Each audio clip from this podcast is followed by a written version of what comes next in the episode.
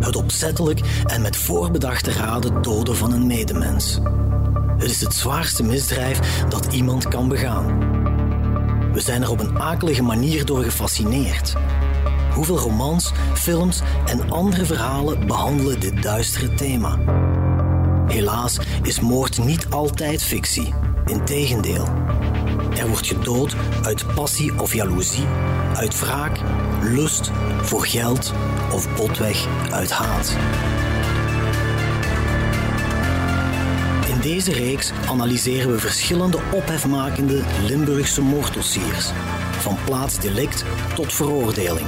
En gaan we op zoek naar de motieven die in het verknipte hoofd van de dader zijn gruwel rechtvaardigen. Ik ben Geert op Teinde en dit is Van Moord tot Verdikt. Carnage in Serenhelderen, deel 2. Een jarenlange leidersweg. Uh, mijn naam is Jeroen Minnekeer. Ik ben uh, advocaat aan de balie van Hassel Limburg nu, uh, destijds aan de balie van Tongeren. En ik ben thans eigenaar en zaakvoerder van Arguendo Advocaten in Hasselt op de Corde Campus. Destijds, dat was eigenlijk in de beginjaren van mijn uh, carrière als advocaat. En um, ja, ik circuleerde toen nog wat in het strafrechtwereldje. Uh, ik had enkele jaren daarvoor ook een assisezaak gedaan. En ik me goed herinner, was een uh, jonge collega die toen was aangesteld als prodeo-advocaat. maar die dat niet helemaal alleen durfde te doen. En die mij toen heeft gevraagd van, kijk, wilt je het ja, samen doen, maar eigenlijk overpakken. Want uh, die had totaal geen affiniteit met het, uh, met het strafrecht. En uh, zo ben ik met Gregory Jacob in contact gekomen. dat was toen in de gevangenis van Lontain. En ja, ik ben hem toen gaan bezoeken als, als zijn advocaat. Ja, eigenlijk een jonge gast. Heel aangeslagen en overdonderd van wat er gebeurd is. Hè. Want de, de, indruk die ik altijd van hem heb gehad is dat hij ergens in terecht is gekomen. Ja, dat, hem, dat hem heel snel gruwelijk is misgelopen. De nadruk op gruwelijk, jammer genoeg. Maar uh, onbezonnen ergens in terecht is gekomen. En ja, daar waarschijnlijk de rest van de leven uh, de, de prijs voor zal betalen. De manier waarop advocaat Jeroen Minnekeer zijn voormalige cliënt Gregory Jacob omschrijft, komt, zoals hij zelf zegt, voort uit de indruk die de man hem altijd heeft gegeven. Een indruk die lang niet door iedereen gedeeld wordt. Want de daden die de nu 36-jarige luikenaar op zijn geweten heeft, zijn van een groot orde die het woord gruwel oneer aandoet. Het is 9 februari 2006 wanneer Jacob samen met drie kompanen reisagent Eddy de Steks overvalt in zijn huis in Tongeren. Tijdens een nachtmerrie die ruim anderhalf uur duurt, wordt Eddy gegijzeld, gefolterd en uiteindelijk op beestachtige manier afgemaakt. Kort nadat de vierkoppige bende op de vlucht is geslagen, wordt hun wagen door de politie tegengehouden voor een drugscontrole. Omdat ze in de auto de identiteitskaart van Eddie de Steks vinden, gaan de agenten poolshoogte nemen in zijn woning, waar ze het overleden slachtoffer badend in het bloed aantreffen. De vier mannen worden aangehouden op verdenking van roofmoord. En Gregory Jacob, die door de speurders als leider van de bende gezien wordt, belandt in de gevangenis van Lantin. Sindsdien wordt hij bijgestaan door Jeroen Minnekeer, die zelf schrikt van de gruwel die het viertal heeft aangericht. Ja, laat zeggen dat. Het zijn beelden die je nooit vergeet. Ik, kan, ik, maar voor, ik kan mij ook maar voorstellen, ja, als, als, als advocaat, kijk, je ziet foto's van iemand die je eigenlijk niet, niet kent. Je, je ziet ja, foto's en, en de impact die het al op u heeft ja, ik moet, moet er niet aan denken dat dat, dat, dat familie van u is die je op die foto's ziet uh, liggen. Ja. Dus ja, verschrikkelijk voor die, uh, voor die mensen. En toch, meester Minnekeer moet zijn emoties aan de kant proberen te zetten. Samen met zijn cliënt werkt hij een verdedigingsstrategie uit en die is op zijn minst opmerkelijk te noemen. Onder andere omdat die meneer de Stek zo goed gezien was in het, uh, in het Tongerse. Uh, dan is al vrij snel het idee gekomen van dat ik zoiets had van, ja kijk, als, als, als, advocaat van, kan ik hem eigenlijk alleen maar adviseren om, om te proberen om niet in Tongeren voor te komen. Hè. Eh, dat, dat, ja, de, de sfeer daar zou, enorm in zijn nadeel hebben gespeeld. En ja, de toenmalige wetgeving, ik weet niet of dat ondertussen nog altijd zo is, maar de toenmalige wetgeving die bood er dan ook de kansen voor. Het, het was zelfs zo dat als een beklaagde dat vroeg, dat men eigenlijk niet kon weigeren. Ehm, dat, men, dat men de zaak naar een, een Franstalige rechtbank moest versturen. En ja, ook omdat de andere beklaagden dan ook allemaal Franstalig waren, ja, heeft de Kamer van de Beschuldigingsstelling dat dan ook gedaan. De verdediging haalt een eerste zeer belangrijke slag thuis. Het assiseproces zal niet plaatsvinden in Tongeren, de thuisbasis van de Steks, maar in Luik, waar de procedure volledig in het Frans zal worden gevoerd. Luc Delbroek, de advocaat van Eddy's broers, legt uit. In België is het zo dat we hebben dus drie landstalen. En als je een, een procedure hebt in een andere landstaal dan de uwe, dan kun je vragen dat het dossier zou worden doorverwezen naar een andere rechtbank eh, die dan wel, uh, waar dan de, de, procedure wordt gevoerd in de taal die je, die je spreekt. Het waren vier Franstalige personen, vier personen uit Wallonië. In normale omstandigheden, als het voor de politierechtbank is, voor de correctionele rechtbank is, dan heeft de rechtbank waar het dossier uh, wordt ingeleid, dus de andere sprekende rechtbank, hè, dan de, de taal van de verdachte, heeft de mogelijkheid om te beslissen dat het dossier wordt overgestuurd naar de, de rechtbank van de taal van de verdachte. En men is geen verplichting. Maar de wet heeft gezegd dat voor wat betreft het Hof van Assise dat daar een uitzondering is en dat het daar eigenlijk verplicht uh, zo is. Dus daar heeft de, de, de rechtbank, in dit geval was dat Hof van Beroep in Antwerpen, heeft daar niet de mogelijkheid gehad om de opportuniteit van die beslissing uh, te, te, beoordelen. Maar ze moesten het overwijzen naar uh, het Franstalige landsgedeelte wanneer men dat vroeg. De wet is natuurlijk de wet, dat is duidelijk. Hè.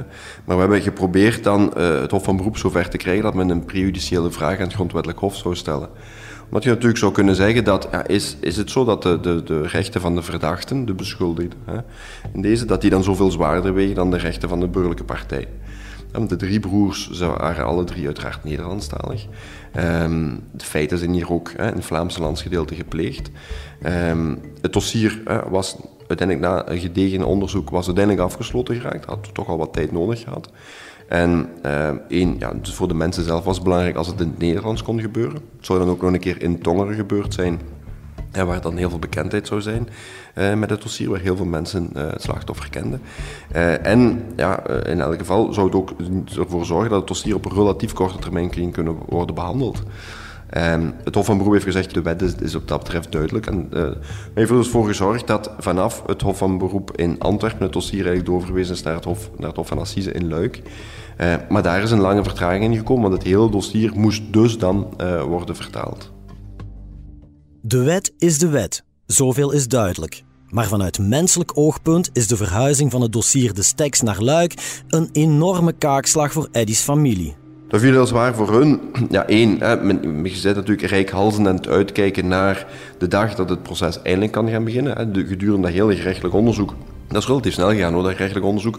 Relatief snel hè, voor, voor dergelijke dossiers. Uh, maar goed, zitten aan het uitkijken naar wanneer wordt dat dossier eindelijk afgesloten. Eindelijk is het dossier dan afgesloten. We hadden tussentijds veel inzage gevraagd. Uh, ons ook behoorlijk opgejaagd over de, de houding die de, de, de verdachten, toen nog verdachten, later beschuldigden, hadden aangenomen. Altijd opnieuw wisselende verklaringen. Geen schuldinzicht, geen spijt, nooit betuigd. Um, en dan komt eindelijk komt er een, een, licht aan het einde van de tunnel. Het onderzoek wordt afgesloten. We zitten voor de raadkamer, we zitten voor de Kamer van een beschuldigingsstelling bij het Hof van Beroep. We gaan eindelijk naar assise kunnen gaan. En dan wordt de vraag geformuleerd van, ah, maar wij willen nu eigenlijk toch dat hele proces in het Frans wordt overgedaan. Komt daarbij dat, ja, goed, dat, dat de broers, hè, de burgerlijke partij voor wie dat was, die moesten zich gaan verplaatsen. Nu goed, afstand Tongerluik is nog niet meteen het grote drama. Maar ook natuurlijk dat de hele procedure in een voor hun niet uh, eigen taal wordt gevoerd. Hè. Die mensen ja, die hadden wel uh, kennis van Frans, maar goed, kennis hebben van Frans en een procedure kunnen, vol, kunnen volgen in het Frans, dat is natuurlijk nog een heel groot verschil. Dus die mensen waren daar inderdaad helemaal niet tevreden mee dat dat, uh, dat, dat, moest gebeuren. En terecht is dan ook de opmerking gemaakt, ik heb dat trouwens ook hernomen, hè, van ja, ze kunnen wel naar, naar het Vlaamse landsgedeelte komen om, om uh, een heel ernstige misdaad te plegen, maar dan uh, kiezen ze toch voor hun heimat om, om uiteindelijk beoordeeld te worden. Dus wat? Het Hof van Beroep in Antwerpen heeft gezegd, ja, we passen de wet toe, we kunnen niet anders aan de wet toepassen. En het dossier is naar, naar Luik gegaan. De verdediging is uiteraard opgetogen dat het proces niet in Tongeren zal worden gevoerd. Heeft de advocaat van Gregory Jacob daar vandaag een iets wat dubbel gevoel bij. Dit is eigenlijk de zaak die ik altijd aan mensen vertel als men mij vraagt van kijk, hoe, hoe is dat om iemand te verdedigen? Voor mij is dat heel duidelijk. Ik moet een onderscheid maken tussen de persoon Jeroen Minnekeer en de advocaat van iemand. De persoon Ik herinner mij dat nog heel goed, want uh, confrater Delbroek die heeft toen een heel mooi pleidooi gegeven op de Kamer van Inbeschuldigingstelling namens de familie van de slachtoffers, waarin hij zei van kijk, dat kan toch niet dat die mensen gedwongen gaan worden om in Luik uh, naar een assisezaak te gaan. En laat zeggen, de privépersoon Jeroen, die was het daar volledig mee eens. Dat, dat klopte ook niet. Maar dat was nu eenmaal de wet op dat moment. En het is niet mijn taak om wetgever te spelen. Het is mijn taak om met de wetten die er op dat moment zijn, het beste voor mijn cliënt eh, te bekomen. Ehm, en dat heb ik dan ook gedaan. En, en ik ga ook eerlijk zeggen, het, het, het idee van, van, van dat te proberen om de zaak uit Tongeren weg te trekken, dat is ook, dat is ook uh, laat zeggen, op mijn advies gekomen. Dat is niet Gregory Jacob zelf die dat uh, heeft gedaan. Hij, hij, toen ik het hem heb voorgesteld, want uiteraard, het, is niet, het gebeurt niet, niet, niet zonder overleg, maar hij, hij, zei dat toen wel. Van ja, kijk, het is natuurlijk voor mij beter, want het is een heel moeilijk om mij uit te drukken in het Nederlands, of alleszins, ik ga mij niet kunnen nuanceren. Dus ja, het gaat dan ook letterlijk over levenslang of, of niet. Hè. Dus uh, kan ik mij voorstellen dat zo'n jongen dan ook wel zegt van kijk, ik wil het liefst in de taal die mij uh, eigen is. Is dat heel erg voor de slachtoffers? Ja, maar ja, dan moet men betere wetten maken. In zekere zin ben ik daar dan ook ten koste van mezelf uh, die, die, die procedurele stap genomen. Want ik wist dat als de KI mijn verzoek zal inwilligen, dan gaat de zaak naar een uh, Franstalige rechtbank. En mijn Frans is niet van die mate dat ik een assisezaak in het Frans zou kunnen pleiten. Dus dat wist ik ook meteen. Dan stopt het verhaal daar voor mij ook. Maar nogmaals, ik vond dat voor mijn cliënt op dat moment het beste. En dan vind ik dat je het verplicht bent om het te doen. Maar laat zeggen, de privépersoon, en ik, ik, ik vergeet het nooit, ik, ik, ik, zie Luc nog pleiten op de KI. Ja, ik kon alleen maar zeggen van ja, als privépersoon, hij heeft, heeft gelijk en hij, verdedigt zijn cliënten, de slachtoffers, de familie van het slachtoffer, uh, heel erg goed. Maar de wet was nu eenmaal de wet. Jeroen Minnekeer heeft gelijk. Als advocaat doe je wat het beste is voor je cliënt. Dat lijkt logisch, maar zo wordt dat niet gezien door het publiek. De kranten staan in die dagen dan ook bol van verontwaardiging. Er is toen destijds in de pers veel over verschenen. Um, laat zeggen, het erge dat er daar gebeurd is, is dat die mensen het slachtoffer hebben vermoord. Hè? Dat is wat, er, wat het erge is dat er gebeurt. Hoe men dan achteraf het proces voert, dat is het minder erge. Dus ik heb dat ook nooit goed begrepen waarom dat, dat dan zo, zo uitvergroot werd. Omdat, ja, dat zeggen, de, de, gruwelijke daad die was al geschied. Ja, en, die kon al niet meer veranderd worden.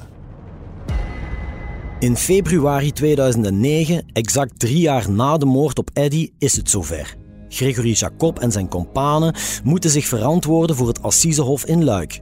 De broers van Eddy laten zich naast hun vaste advocaat Luc Delbroek ook bijstaan door een Franstalige strafpleiter. Daar, is een, er was een tolk aanwezig voor hun, dus dat hebben we wel geregeld. Um, maar op dat ogenblik heb ik wel gezegd, ja, als een, een, volledige procedure in het Frans gaat zijn, ook mijn Frans is, is zeker toereikend om, om, normaal te spreken, normaal te praten. Maar een procedure volgen hè, in het Frans, we kunnen uiteraard niet pleiten via een tolk. Uh, je moet ook snel genoeg en adequaat kunnen reageren op ondervragingen. Dus hebben we gezegd, ja, dan gaan we toch een, een Franstalige confrater erbij nemen. Um, ik heb dan gekozen voor een Franstalige confrater, meester Colotta, die ook heel goed Nederlands spreekt. Dus hij kon dan wel goed het contact hebben met de mensen zelf en toch eh, tegelijkertijd ook in het Frans pleiten. Ook al is het proces loodzwaar voor de familie de Steks, toch komt er enigszins een loutering wanneer Gregory Jacob veroordeeld wordt tot een levenslange celstraf. De andere drie krijgen iets lichtere straffen, maar gerechtigheid is dus geschied. Al is er van euforie geen sprake, want de veroordeling van de daders brengt Eddy natuurlijk niet terug. En erger nog, Zes maanden na het assiseproces neemt het Hof van Cassatie een beslissing die alle wonden genadeloos weer openrijdt. We zitten toen op een ogenblik eh, dat het Hof van Assisen nog zo was eh, opgevat dat mm, wanneer de jury zei dat de mensen schuldig waren, dat eigenlijk een voldoende motivering was om te komen tot de schuld. Uh, rond datzelfde tijdstip heeft ook een zekere meneer Taxke, wel bekend, een procedure opge opgestart bij het Europees Hof. Uh, en het Europees Hof heeft in zijn dossier gezegd, ah, maar kijk, daar kun je toch niet meer mee volstaan. En een, beschuldigde, een veroordeelde, moet weten waarom hij wordt veroordeeld. In België, goed, je hebt je eigen procedure met je jury wel. Uh, en je hebt een heel proces dat weken duurt. Uh, maar een beschuldigde moet op het einde van het verhaal exact wel kunnen weten, bij lezing van het arrest, waarom hij schuldig wordt verklaard. En het Hof van Assisen in Luik had dus de motivering nog niet aangenomen. Eigenlijk verder gaan op een, op een bijna eeuwenoude traditie, hè, door te zeggen, ja, schuldigverklaring is eigenlijk toereikend. Ehm, en dan heeft het Hof van Cassatie gezegd, ja, rekening houden met de nieuwe rechtspraak van het Europees Hof. Dus ook geen steen naar het Hof van Assisen in Luik, ze pasten de regels toe gelijk die toen bestonden. Maar het Hof van Cassatie heeft gezegd, ja goed, we, we, krijgen hier de arrest van het, van het Europees Hof binnen, we moeten ons daaraan aanpassen. Er moet een motivering komen. En dus heeft men het uh, arrest van het Hof van Assisen in Luik verbroken en het naar Namen gestuurd, waar het proces dan nog eens opnieuw helemaal moet moeten overgedaan worden. Het lijkt te gek voor woorden, maar toch is het zo. Er komt een tweede proces, en wel in Namen.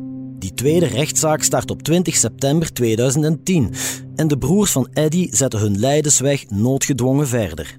Zij moeten daar opnieuw door. Er zijn mensen van slachtofferhulp die hun uh, begeleiden ook. Uh, wij als advocaten natuurlijk hebben daar ook een belangrijke rol. Wij moeten ook proberen alles uit te leggen. We hebben de mensen al heel veel moeten uitleggen. We moeten uitleggen hoe de procedure loopt tijdens het onderzoek. We moeten uitleggen dat inderdaad dan toch die verwijzing er komt naar het Franstalige Hof van Assise. En dan natuurlijk het arrest van Tof van Cassatie hebben we ook moeten uitleggen. Wat natuurlijk eigenlijk elke keer wel wat kaakslagen waren voor, die, voor de, de familie van, van het slachtoffer, die eindelijk hadden gehoopt het verhaal te kunnen afsluiten, maar die dus telkens opnieuw ja, zich geconfronteerd zagen met met uitspraken die, die juridisch correct zijn, maar die hun wel moesten worden toegelicht. Hè. En daar heb je wel wat, wat onbegrip. Al moet ik zeggen dat de cliënten op zich zich in deze altijd heel gedistingeerd hebben gedragen. Hè. Ook nooit een scheef woord hebben gehad, eh, zeker niet voor justitie of wat dan ook. Ze hebben het ondergaan, maar ze hebben dus eigenlijk veel langer moeten afzien in dit dossier dan, dan hetgeen gebruikelijk is. Afzien is in deze context inderdaad het juiste woord. Want ook na het tweede proces blijven veel vragen onbeantwoord, zegt Delbroek. Hetgeen dat eigenlijk het meeste eh, bijgebleven is in het hele dossier, is dat die mensen eigenlijk ook nooit dus, uh, spijt hebben uitgedrukt.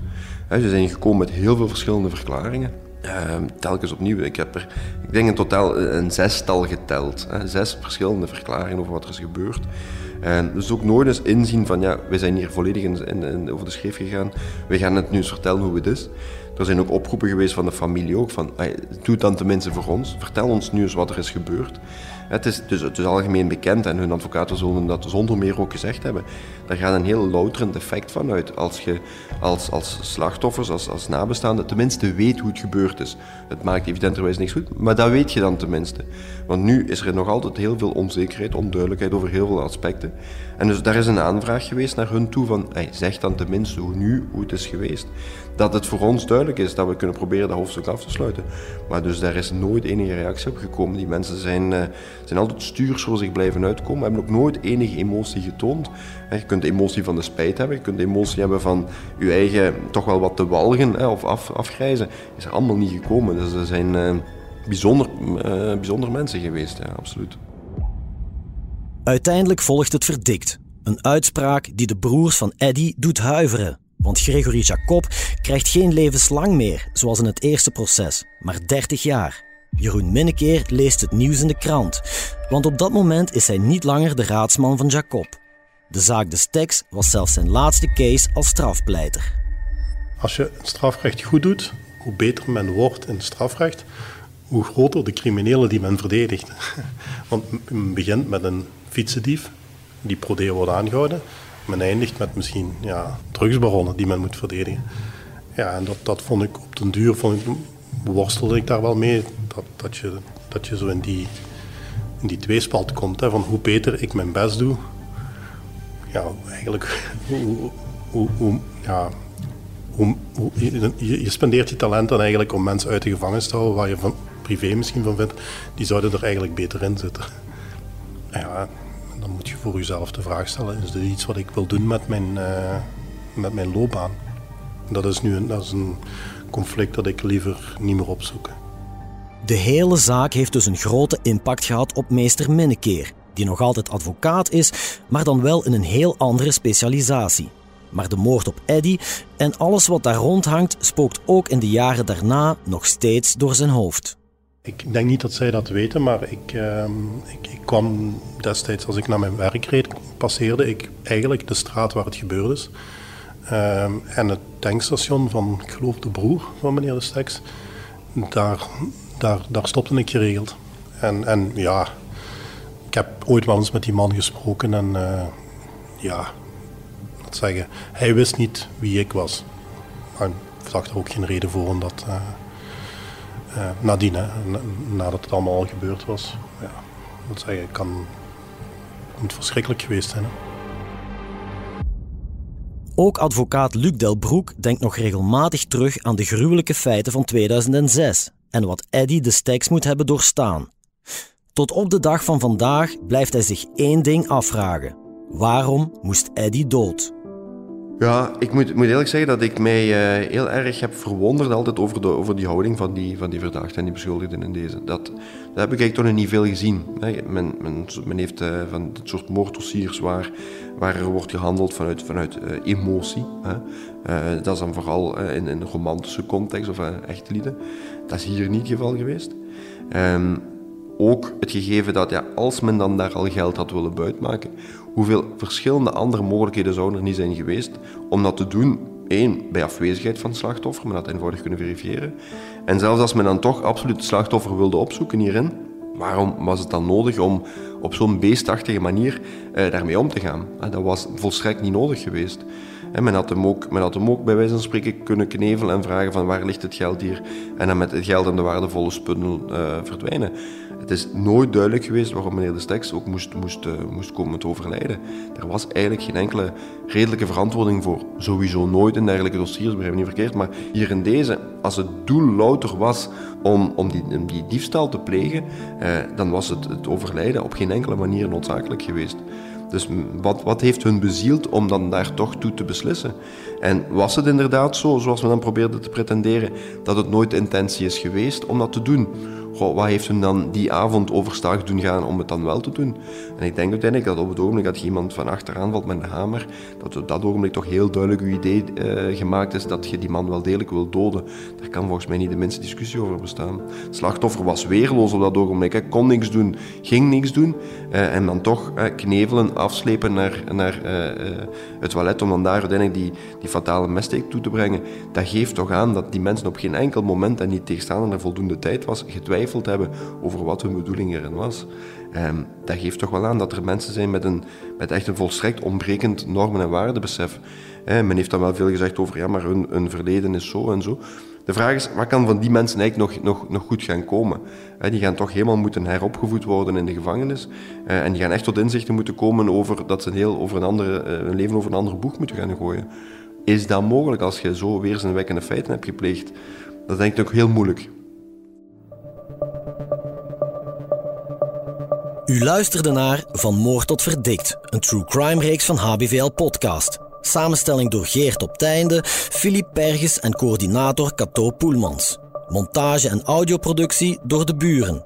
Chef podcast is Geert Nies. Reageren? Dat kan via podcast@hetbelangvanlimburg.be. Benieuwd naar wat er in de wereld gebeurt en wat dit juist betekent voor onze provincie? Ontdek onze voordelige leesformules op hbvl.be voordelig. Philippe Lacroix, het brein van de bende Hamers, vertelt voor het eerst zijn levensverhaal in een nieuwe podcastreeks van De Standaard. Lacroix, ik was gangster, is vanaf nu te beluisteren via www.standaard.be of via uw favoriete streamingplatform.